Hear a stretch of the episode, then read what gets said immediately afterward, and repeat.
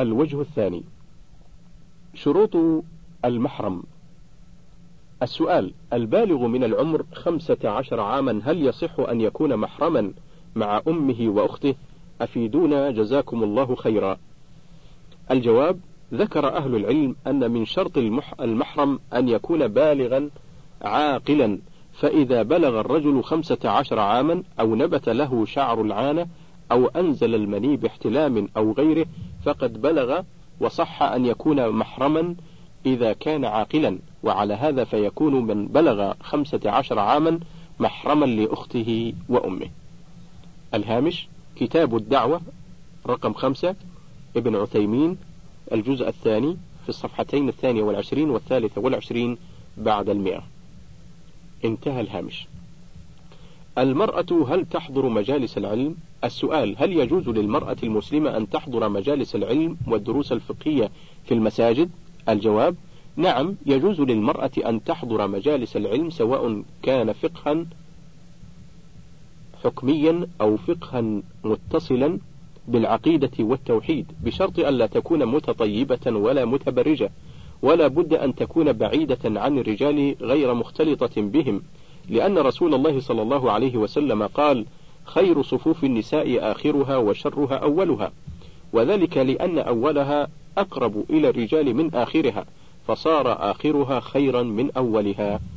الهامش كتاب الدعوة رقم خمسة ابن عثيمين الجزء الثاني في الصفحة رقم 129 انتهى الهامش. تدريس الأعمى للبنات. السؤال في بعض المدارس الثانوية للبنات يكون معلم القرآن رجلا كفيف البصر وتضطر طالبات لكشف وجوههن للقراءة. فما حكم ذلك؟ علما بأن البعض يطالب بعدم وجود الرجل. أفيدون أفادكم الله. الجواب القول الراجح من أقوال أهل العلم أن المرأة لا يلزمها الحجاب عند الرجل الأعمى وله دليلان. أحدهما قول النبي صلى الله عليه وسلم لفاطمة بنت قيس اعتدي في بيت ابن أم مكتوم فإنه رجل أعمى تضعين ثيابك عنده. الهامش رواه مسلم في الطلاق رقم 1480 انتهى الهامش. والدليل الثاني أن عائشة رضي الله عنها كانت تنظر إلى الحبشة يلعبون في المسجد وكان النبي صلى الله عليه وسلم يسترها وأقرها على ذلك. الهامش رواه البخاري في العيدين رقم 950 ومسلم في صلاة العيد تحت رقم 892 انتهى الهامش. وأما حديث أفعمياوان أنتما الهامش رواه أبو داود في اللباس رقم 4112 والترمذي في الأدب رقم 2778 وفي إسناده نبهان مولى أم سلمة لم يوثقه غير ابن حبان. انتهى الهامش. وأما حديث أفعم ووان أنتما فإن فيه راويا مجهولا فلا يقاوم هذين الحديثين الصحيحين. الهامش كتاب الدعوة رقم خمسة الشيخ ابن عثيمين الجزء الثاني في الصفحتين الستين والواحدة والستين. انتهى الهامش.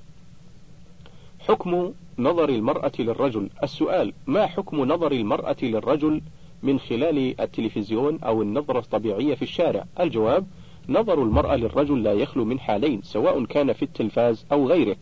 واحد نظر بشهوة وتمتع فهذا محرم لما فيه من المفسدة والفتنة. اثنان نظرة نظرة مجردة لا شهوة فيها ولا تمتع فهذا لا شيء فيها على الصحيح من أقوال العلم.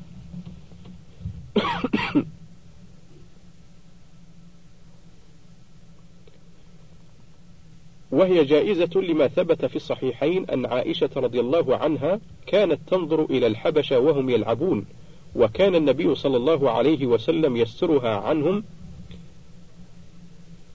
وأقرها على ذلك. ولأن النساء يمشين في الأسواق وينظرن إلى الرجال وإن كن متحجبات فالمرأة تنظر الرجل وإن كان هو لا ينظرها. ولكن بشرط ألا تكون هناك شهوة وفتنة. فإن كانت شهوة أو فتنة فالنظرة محرمة في التلفزيون وغيره. الهامش فتاوى المرأة للشيخ ابن عثيمين في الصفحة الثالثة والأربعين. انتهى الهامش. حكم نظر المرأة للرجال الأجانب. السؤال ما حكم نظر المرأة للرجل للرجال الأجانب؟ الجواب ننصح المرأة بالامتناع عن مشاهدة صورة الرجال الأجانب فخير ما للمرأة ألا ترى الرجال ولا يروها ولا فرق في ذلك بين المصارعات والمباريات وغيرها. فإن المرأة ضعيفة التحمل وكثيرا ما يحدث من نظر المرأة لتلك الأفلام والصور الفاتنة ثوران الشهوة والتعرض للفتنة. فالبعد عن أسبابها أقرب إلى السلامة والله المستعان. الهامش فتاوى المرأة ابن جبرين في الصفحة الرابعة والأربعين. انتهى الهامش. لا تجوز المراسلة بين الشبان والشابات. السؤال ما حكم المراسلة بين الشبان والشابات؟ علما بأن هذه المراسلة خالية من الفسق والعشق والغرام. الجواب لا يجوز لأي إنسان أن يراسل امرأة أجنبية عنه لما في ذلك من فتنة. وقد يظن المراسل أنه ليست هناك فتنة ولكن لا يزال به الشيطان حتى يغريه بها ويغريها به. وحتى وقد أمر صلى الله عليه وسلم من سمع الدجال أن يبتعد عنه وأخبر أن الرجل قد يأتيه وهو مؤمن ولكن لا يزال به الدجال حتى يفتنه. الهامش رواه أبو داود في الملاحم رقم أربعة آلاف وثلاثمائة وتسعة عشر وأحمد في الجزء الرابع من الصفحة رقم 431 وفي الصفحة رقم 441 انتهى الهامش. ففي مراسلة الشبان للشابات فتنة عظيمة وخطر كبير ويجب الابتعاد عنها وإذا كان السائل يقول إنه ليس فيها عشق ولا غرام أما مراسلة الرجال للرجال والنساء للنساء فليس فيها شيء إلا أن يكون هناك أمر محظور. الهامش فتاوى المرأة في الصفحة الرابعة والأربعين. انتهى الهامش. العلاقات قبل الزواج. السؤال ما رأي الدين في هذه العلاقات؟ الجواب قول السائلة قبل الزواج إن أرادت قبل الدخول وبعد العقد فلا حرج لأنها بالعقد تكون زوجته وإن لم تحصل مراسيم الدخول. وأما إن كان قبل العقد أثناء الخطبة أو قبل ذلك فإنه محرم ولا يجوز فلا يجوز للإنسان فلا يجوز لإنسان أن يستمتع مع امرأة أجنبية منه لا بكلام ولا بنظر ولا بخلوة. فقد ثبت عن النبي عليه الصلاة والسلام أنه قال لا يخلون رجل بامرأة إلا مع ذي محرم ولا تسافر امرأة إلا مع ذي محرم. الهامش رواه البخاري في الجهاد رقم ثلاثة آلاف وستة ومسلم في الحج رقم ألف ثلاثمائة واحد وأربعين. انتهى الهامش. والحاصل أنه إذا كان هذا الاجتماع بعد العقد فلا حرج فيه. وإن كان قبل العقد ولو بعد الخطبة والقبول فإنه لا يجوز وهو حرام عليه لأنها أجنبية وحتى يعقد له عليها. الهامش فتاوى المرأة الشيخ ابن عثيمين في الصفحة الواحدة والخمسين انتهى الهامش. حكم المراسلة السؤال إذا كان الرجل يقوم بعمل المراسمة بعمل المراسلة مع المرأة الأجنبية وأصبحا متحابين هل يعتبر حراما هذا العمل؟ الجواب لا يجوز هذا العمل فإنه يثير الشهوة بين الاثنين ويدفع الغريزة إلى إلى التماس اللقاء والاتصال وكثيرا ما تحدث تلك المغازلة والمراسلة وكثيرا ما تحدث تلك المغازلة والمراسلة فتنا وتغرس حب الزنا في القلب مما يوقع في الفواحش أو يسببها فننصح من أراد مصلحة نفسه وحمايتها الامتناع عن المراسلة والمكالمة ونحوها للدين والعرض والله الموفق. الهامش فتاوى المرأة ابن جبرين الصفحة الثامنة والخمسون. انتهى الهامش. مكالمة المرأة في التليفون. السؤال ما الحكم فيما لو قام شاب غير متزوج وتكلم مع شابة غير متزوجة في التليفون؟ الجواب لا يجوز التكلم مع المرأة الأجنبية بما يثير الشهوة كمغازلة وتغنج وخضوع في القول سواء كان في التليفون أو في غيره. لقوله تعالى ولا تخضعن بالقول فيطمع الذي في قلبه مرض. سورة الأحزاب الآية الثانية والثلاثون. فأما الكلام العارض لحاجة فلا بأس به إذا سلم من المفسدة ولكن بقدر الضرورة. الهامش فتاوى المرأة الشيخ بن جبرين في الصفحة رقم 60 انتهى الهامش. الخروج بدون استئذان. السؤال عندما تخرج المرأة للسوق القريب من بيتها لشراء بعض الحاجات لها ولأبنائها وزوجها لا يعلم بذلك فهل عليها في ذلك إثم؟ الجواب على المرأة أن تطلب من زوجها إذنا عاما في الخروج للأشياء الضرورية للحاجة إلى ذلك.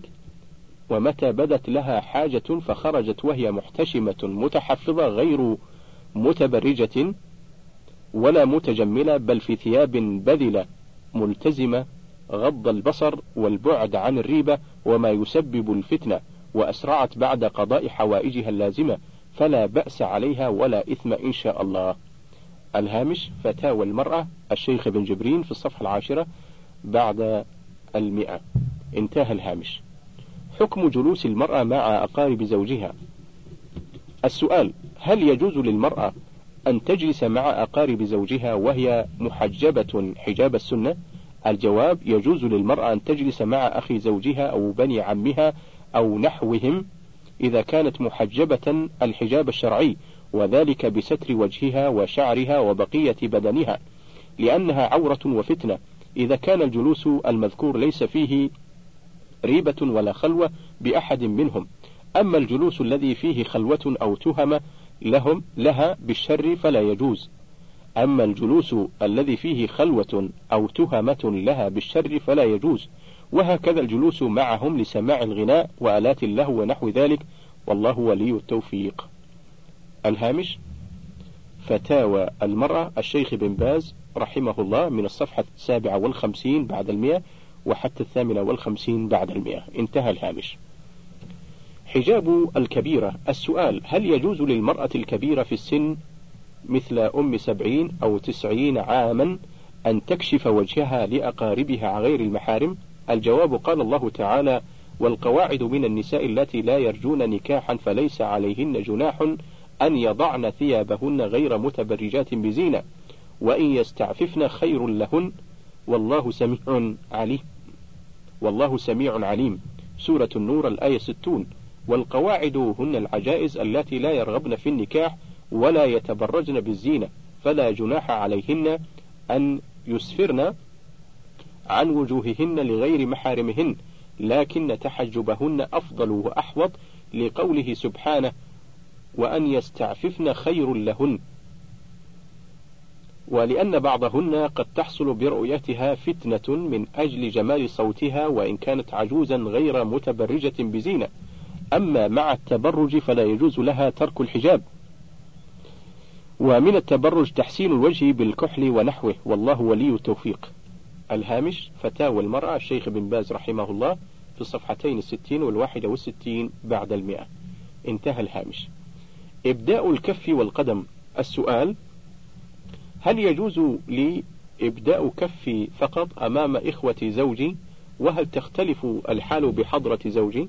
الجواب على المرأة التستر الكامل عن كل أجنبي سواء شقيق الزوج أو زوج الأخت أو ابن العم أو غيرهم وسواء بحضرة محرم أو غيبته. وذلك بأن تستر محاسنها وما يسبب الفتنة من الوجه والذراع والساق والصدر ونحو ذلك. فأما الكف والقدم فالظاهر أنه يجوز للمرأة إبداؤه لحاجة التناول والأخذ والإعطاء ونحو ذلك.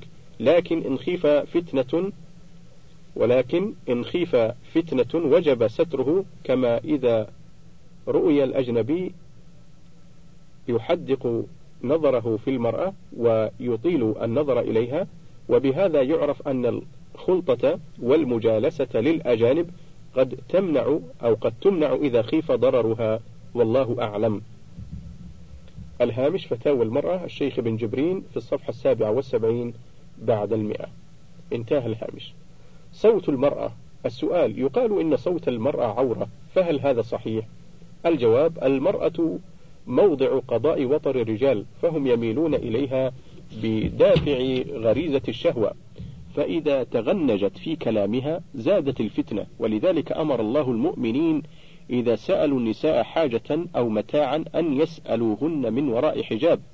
فقال تعالى وإذا سألتموهن متاعا فاسألوهن من وراء حجاب ذلك أطهر لقلوبكم وقلوبهن. سورة الأحزاب الآية الثالثة والخمسون. ونهى النساء إذا خاطبن الرجال أن يخضعن بالقول لئلا يطمع الذي في قلبه مرض كما في قوله تعالى يا نساء النبي لستن كأحد من النساء إن اتقيتن فلا تخضعن بالقول فيطمع الذي في قلبه مرض. سورة الأحزاب الآية الثانية والثلاثون. فإذا كان هذا هو شأن فإذا كان هذا هو الشأن والمؤمنون في قوة إيمانهم وعزته فكيف بهذا الزمان الذي ضعف فيه الإيمان وقل التمسك بالدين؟ فعليك الإقلال من مخالطة الرجال فعليك الإقلال من مخالطة الرجال الأجانب. وقلة التحدث معهم إلا في حاجة ضرورية مع عدم الخضوع واللين في القول للآية المذكورة. وبهذا تعلمين أن الصوت المجرد والذي ليس معه خضوع ليس بعورة.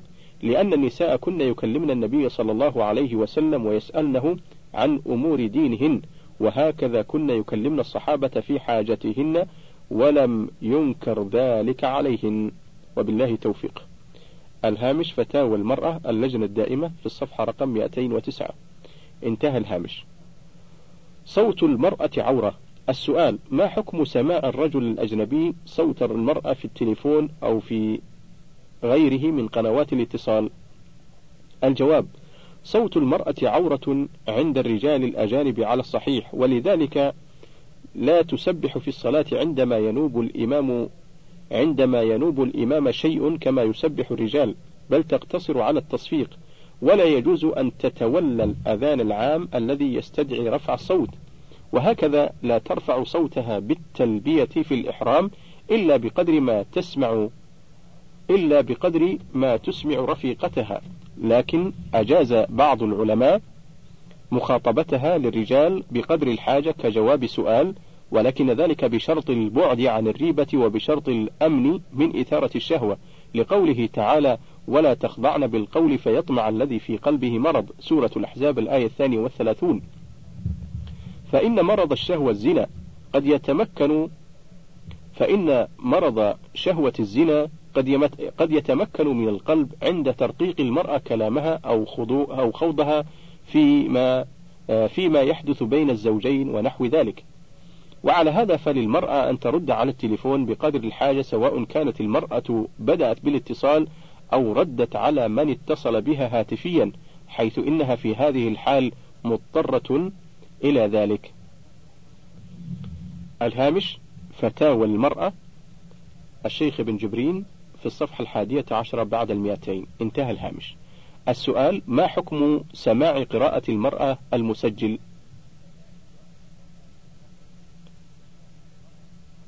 ما حكم سماع قراءة المرأة المسجل؟ الحمد لله وحده والصلاة والسلام على رسوله وآله وصحبه.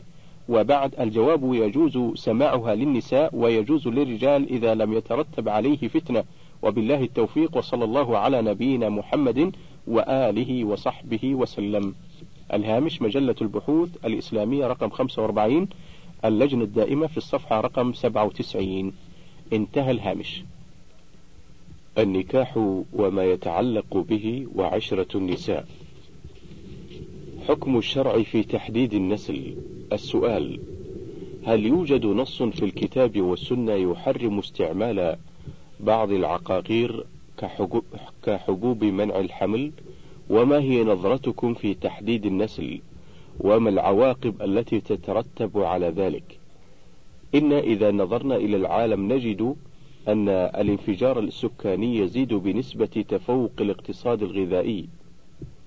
فهل نقول إن الإجماع من العلماء والأطباء قائم كما كان في عهد الصحابة إن كان يصح فرجاء توضيح ذلك. الجواب صدر قرار من مجلس هيئة كبار العلماء في الدورة الثامنة المنعقدة بالرياض بتاريخ الربيع الأول بتاريخ شهر ربيع الأول من عام ستة وتسعين وثلاثمائة ألف للهجرة في حكم منع النسل أو تحديده أو تنظيمه أو تنظيمه ومضمون هذا القرار يقول تحريم تحديد النسل مطلقا لمصادمته للفطرة الإنسانية السليمة التي فطرنا الله عليها، ولمنافاته لمقاصد الشريعة الإسلامية من الترغيب في النسل، ولما فيه من إضعاف كيان المسلمين بتقليل عددهم، ولأنه شبيه بعمل أهل الجاهلية، وفيه سوء ظن بالله، ولا يجوز منع الحمل بأي وسيلة من الوسائل إذا كان الحامل عليه خوف الفقر. لما في ذلك من سوء ظن بالله وقد قال تعالى إن الله هو الرزاق ذو القوة المتين سورة الذاريات الآية الثامنة والخمسون. وقال تعالى وما من دابة في الأرض إلا على الله رزقها. سورة هود الآية السادسة. أما إذا كان منع الحمل لضرورة ككون المرأة لا تلد ولادة طبيعية بل تضطر إلى إجراء عملية جراحية لإخراج الولد فيجوز ذلك. وأما أخذ الأدوية من حبوب ونحوها لتأخير الحمل فترة آه، لمصلحة آه، تعود إلى الزوجة كضعفها ضعفا لا تقوى معه على أن تتابع الحمل بل يضرها ذلك فلا حرج فيه. وقد يتعين تأخيره فترة حتى تستجم أو منعه بالمرة إذا تحقق الضرر. فإن الشريعة الإسلامية جاءت بجلب المصالح ودرء المفاسد وتقديم أقوى المصلحتين وارتكاب أخف الضررين عند التعارض. وصلى الله على نبينا محمد وعلى آله وصحبه وسلم. الهامش فتوى اللجنة الدائمة. انتهى الهامش. الأصل هو تعدد الزوجات. السؤال هل الأصل في الزواج التعدد أم الواحدة؟ الجواب الأصل في ذلك شرعية التعدد. لمن استطاع ذلك؟ ولم يخف الجور لما في ذلك من المصالح الكثيرة في عقد في عفة فرجه. وعفة من يتزوجهن والإحسان إليهن وتكثير النسل الذي به تكثر الأمة ويكثر من يعبد الله وحده ويدل على ذلك قوله تعالى وإن خفتم ألا تقسطوا في اليتامى فانكحوا ما طاب لكم من النساء مثنى وثلاث ورباع فإن خفتم ألا تعدلوا فواحدة أو ما ملكت أيمانكم ذلك أدنى ألا تعولوا. سورة النساء الآية الثالثة. ولأنه صلى الله عليه وسلم تزوج أكثر من واحدة وقد قال الله سبحانه وتعالى لقد كان لكم في رسول الله أسوة حسنة. سورة الأحزاب الآية الواحدة والعشرون. وقال صلى الله عليه وسلم لما قال بعض الصحابة أما أنا فلا آكل اللحم. وقال الآخر أما أنا فأصلي ولا أنام. وقال الآخر أما أنا فأصوم ولا أفطر وقال الآخر أما أنا فلا أتزوج النساء.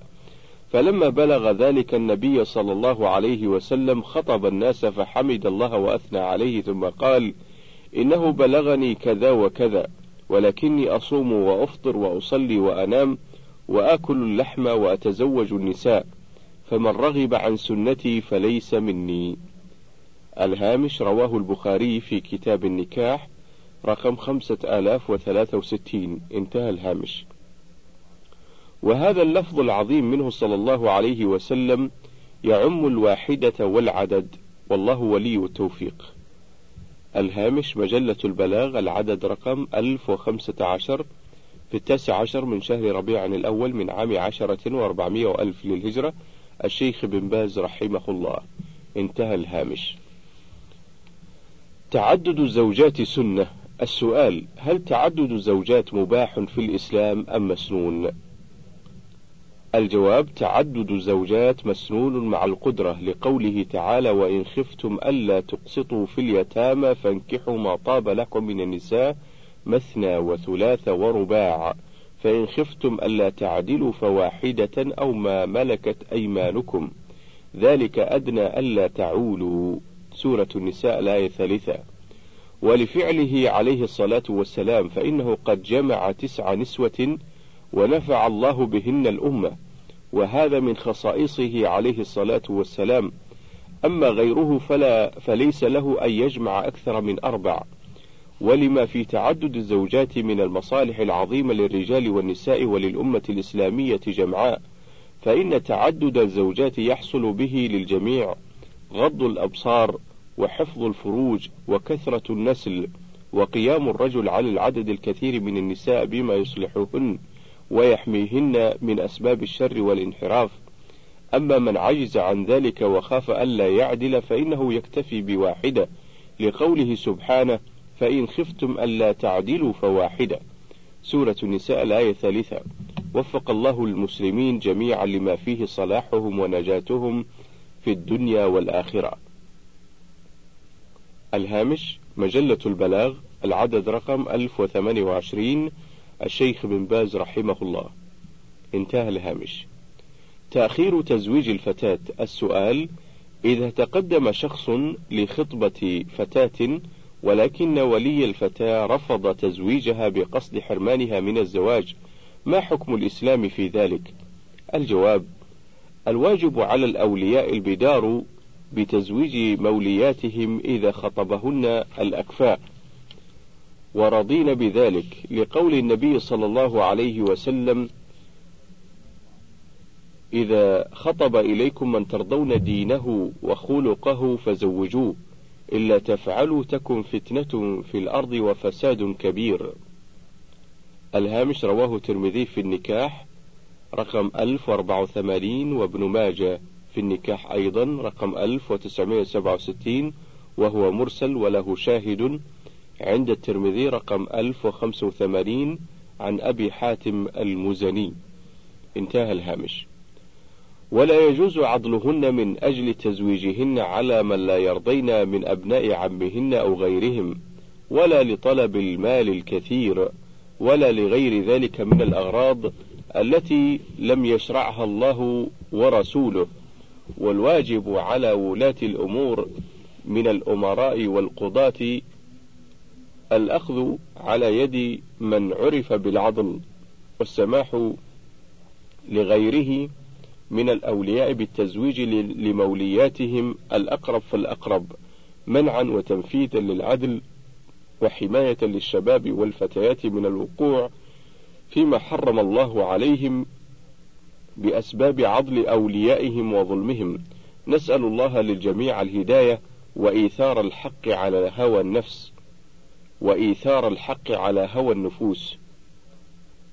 الهامش كتاب الدعوة صفحة رقم 165 والفتوى للشيخ ابن باز رحمه الله.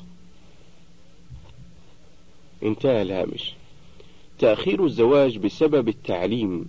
السؤال هناك عادة منتشرة وهي رفض الفتاة أو والدها الزواج ممن يخطبها ممن يخطبها لأجل أن تكمل تعليمها الثانوي أو الجامعي أو حتى لأجل أن تدرس لعدة سنوات. فما حكم ذلك؟ وما نصيحتك لمن يفعله؟ فربما بلغ بعض الفتيات سن الثلاثين أو أكثر بدون زواج. الجواب حكم, ذا حكم ذلك أنه خلاف أمر النبي صلى الله عليه وسلم. فإن النبي صلى الله عليه وسلم قال إذا أتاكم من ترضون دينه وخلقه فانكحوه. وقال صلى الله عليه وسلم يا معشر الشباب من استطاع منكم الباءة فليتزوج فإنه أغض للبصر وأحصن للفرج. الهامش الحديث الأول رواه الترمذي في كتاب النكاح رقم 1084 والثاني رواه البخاري في كتاب النكاح أيضا رقم خمسة آلاف وخمسة وستين وخمسة آلاف وستة وستين ورواه مسلم في النكاح أيضا رقم ألف وأربعمية. انتهى الهامش. وفي الامتناع عن الزواج تفويت لمصالح الزواج فالذي أنصح به إخواني المسلمين من أولياء النساء وأخوات المسلمات من النساء ألا يمتنعن من الزواج من أجل تكميل الدراسة أو التدريس وبإمكان المرأة أن تشترط على الزوج أن تبقى في الدراسة حتى تنتهي دراستها وكذلك أن تبقى مدرسة لمدة سنة أو سنتين ما دامت غير مشغولة بأولادها وهذا لا بأس به على أن, أك... على أن كون المرأة تترقى في العلوم الجامعية مما ليس لنا به حاجة أمر يحتاج إلى نظر. فالذي أراه أن المرأة إذا أنهت المرحلة الابتدائية وصارت تعرف القراءة والكتابة بحيث تنتفع بهذا العلم في قراءة كتاب الله وتفسيره وقراءة أحاديث النبي صلى الله عليه وسلم وشرحها فإن ذلك كافي. اللهم إلا أن تترقى لعلوم لا بد للناس منها كعلم الطب وما أشبهه إذا لم يكن في دراسته شيء محذور من اختلاط أو غيره. الهامش رسالة أو رسالة أسئلة مهمة أجاب عنها الشيخ ابن عثيمين في الصفحتين السادسة والعشرين والسابعة والعشرين. انتهى الهامش. رؤية المخطوبة. السؤال من أسباب الطلاق يا سماحة الشيخ عدم رؤية الزوج لزوجته قبل الدخول عليها؟ وديننا الإسلامي قد أباح ذلك. فما تعليق سماحتكم حول هذا الموضوع؟ الجواب لا شك أن عدم رؤية الزوج للمرأة قبل النكاح قد يكون من أسباب الطلاق إذا وجدها خلاف ما وصفت له ولهذا شرع الله سبحانه للزوج أن يرى المرأة قبل الزواج حيث أمكن ذلك. فقال صلى الله عليه وسلم إذا خطب أحدكم امرأة المرأة فإن استطاع أن ينظر إلى منها إلى فإن استطاع أن ينظر منها إلى ما يدعوه إلى نكاحها فليفعل فإن ذلك أحرى أن يؤدم بينهما. الهامش رواه أحمد في الجزء الثالث رقم 334 و 360 وأبو داود في النكاح رقم 2082 والحاكم الجزء الثاني رقم رقم 165 بإسناد حسن. وصححه الحاكم من حديث جابر بن آه، من حديث جابر رضي الله عنه وروى أحمد والترمذي والنسائي وابن ماجه عن المغيرة بن شعبة رضي الله عنه أنه خطب امرأة فقال النبي صلى الله عليه وسلم انظر إليها فإنه أحرى أن يؤدم بينكما. الهامش رواه الترمذي في النكاح رقم 1087 والنسائي في النكاح رقم آه، في الجزء السادس رقم 69 وابن ماجه في النكاح رقم 866 وأحمد في الجزء الرابع رقم 244 و 246 انتهى الهامش. وروى مسلم في صحيحه عن أبي هريرة رضي الله عنه أن رجلا ذكر لرسول الله صلى الله عليه وسلم أنه خطب امرأة فقال له صلى الله عليه وسلم أنظرت إليها؟ الهامش رواه مسلم في النكاح رقم 1424 انتهى الهامش. وهذه الأحاديث وما جاء في معناها كلها تدل على شرعية النظر للمخطوبة قبل عقد النكاح. لأن ذلك أقرب إلى التوفيق وحسن العاقبة. وهذا من محاسن الشريعة التي جاءت بكل ما فيه صلاح للعباد وسعادة المجتمع التي جاءت بكل ما فيه صلاح للعباد وسعادة المجتمع في العاجل والآجل. فسبحان الذي شرعها وأحكمها وجعلها كسفي كسفينة نوح. من ثبت عليها نجا ومن خرج عنها هلك. الهامش مجلة الدعوة تاريخ الرابع من الشهر الرابع من عام عشرة وأربعمائة وألف للهجرة للشيخ بن باز رحمه الله. انتهى الهامش.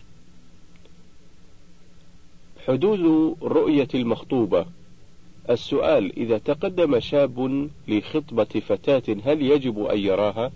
وأيضا هل يصح أن تكشف الفتاة عن رأسها لتبين جمالها أكثر لخاطبها؟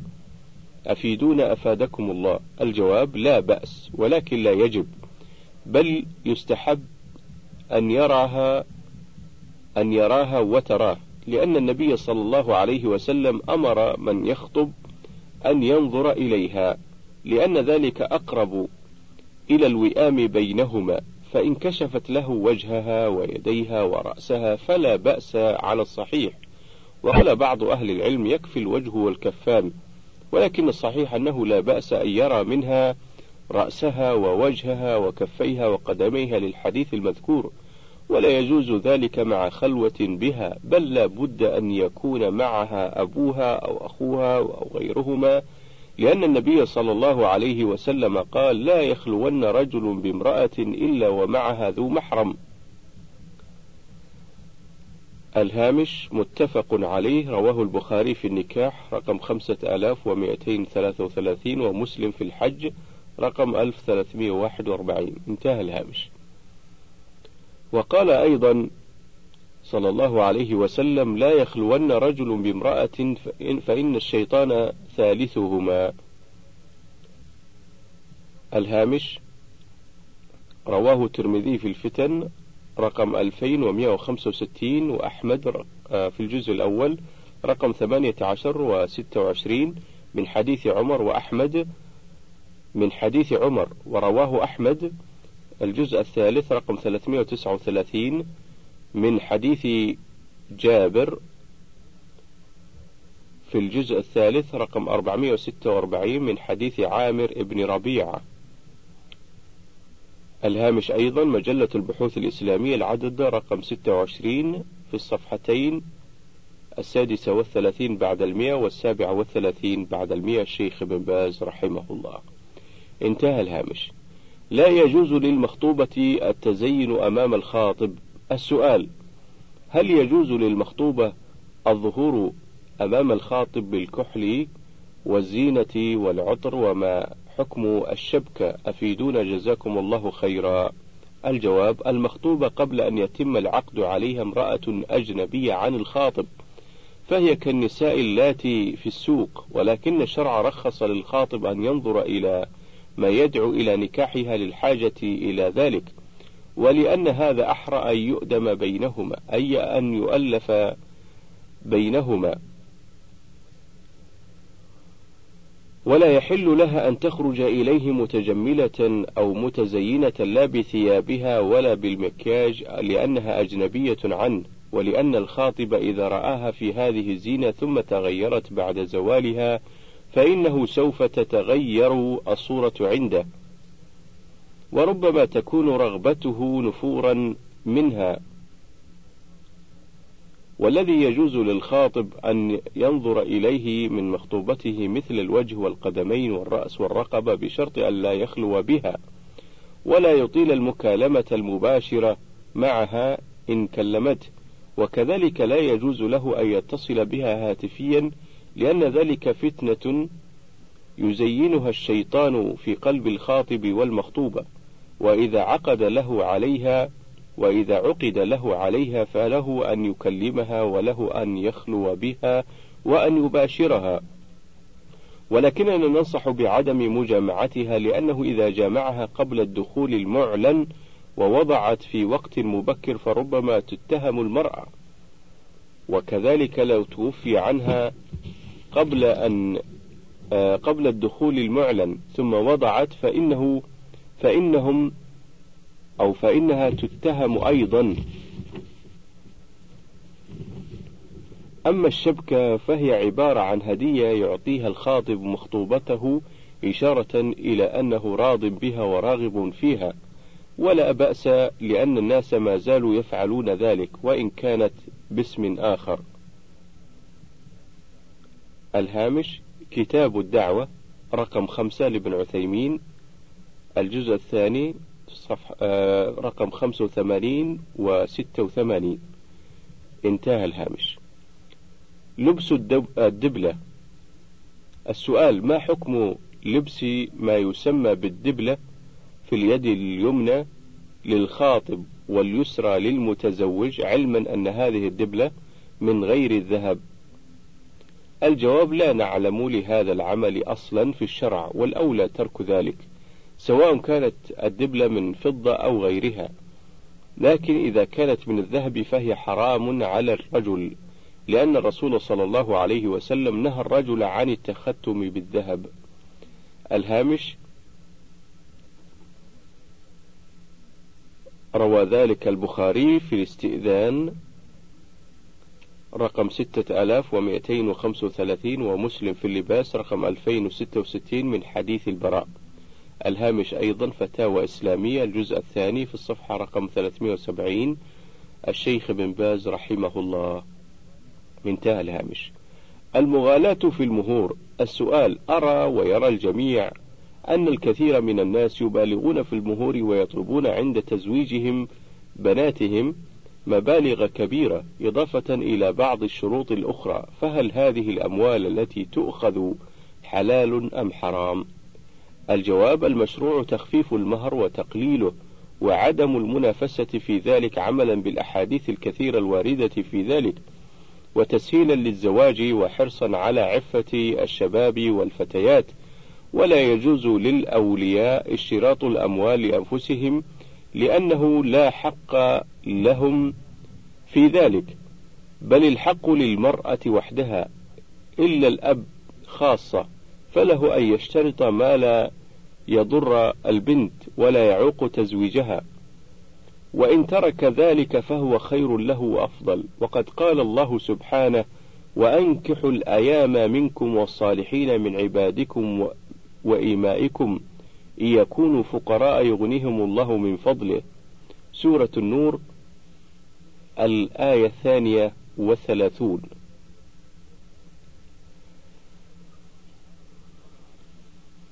وقال صلى الله عليه وسلم من حديث عقبة ابن عامر رضي الله عنه خير الصداق أيسره.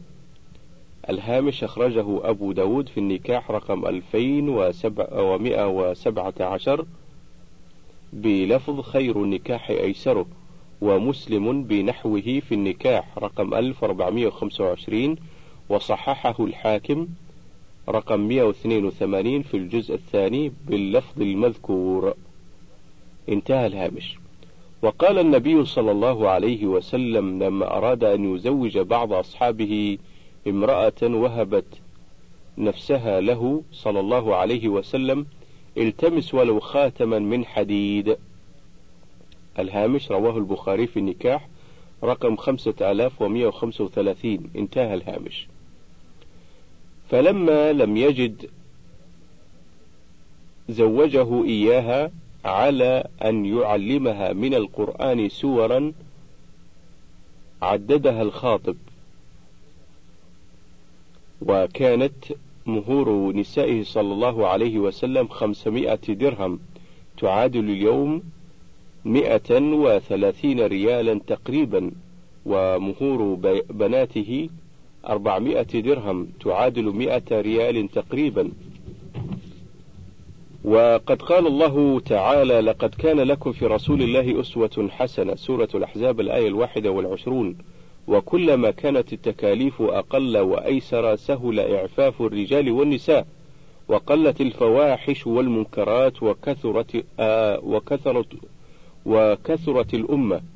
وكلما عظمت التكاليف وتنافس الناس في المهور قل الزواج وكثر السفاح وتعطل الشباب والفتيات إلا ما شاء الله.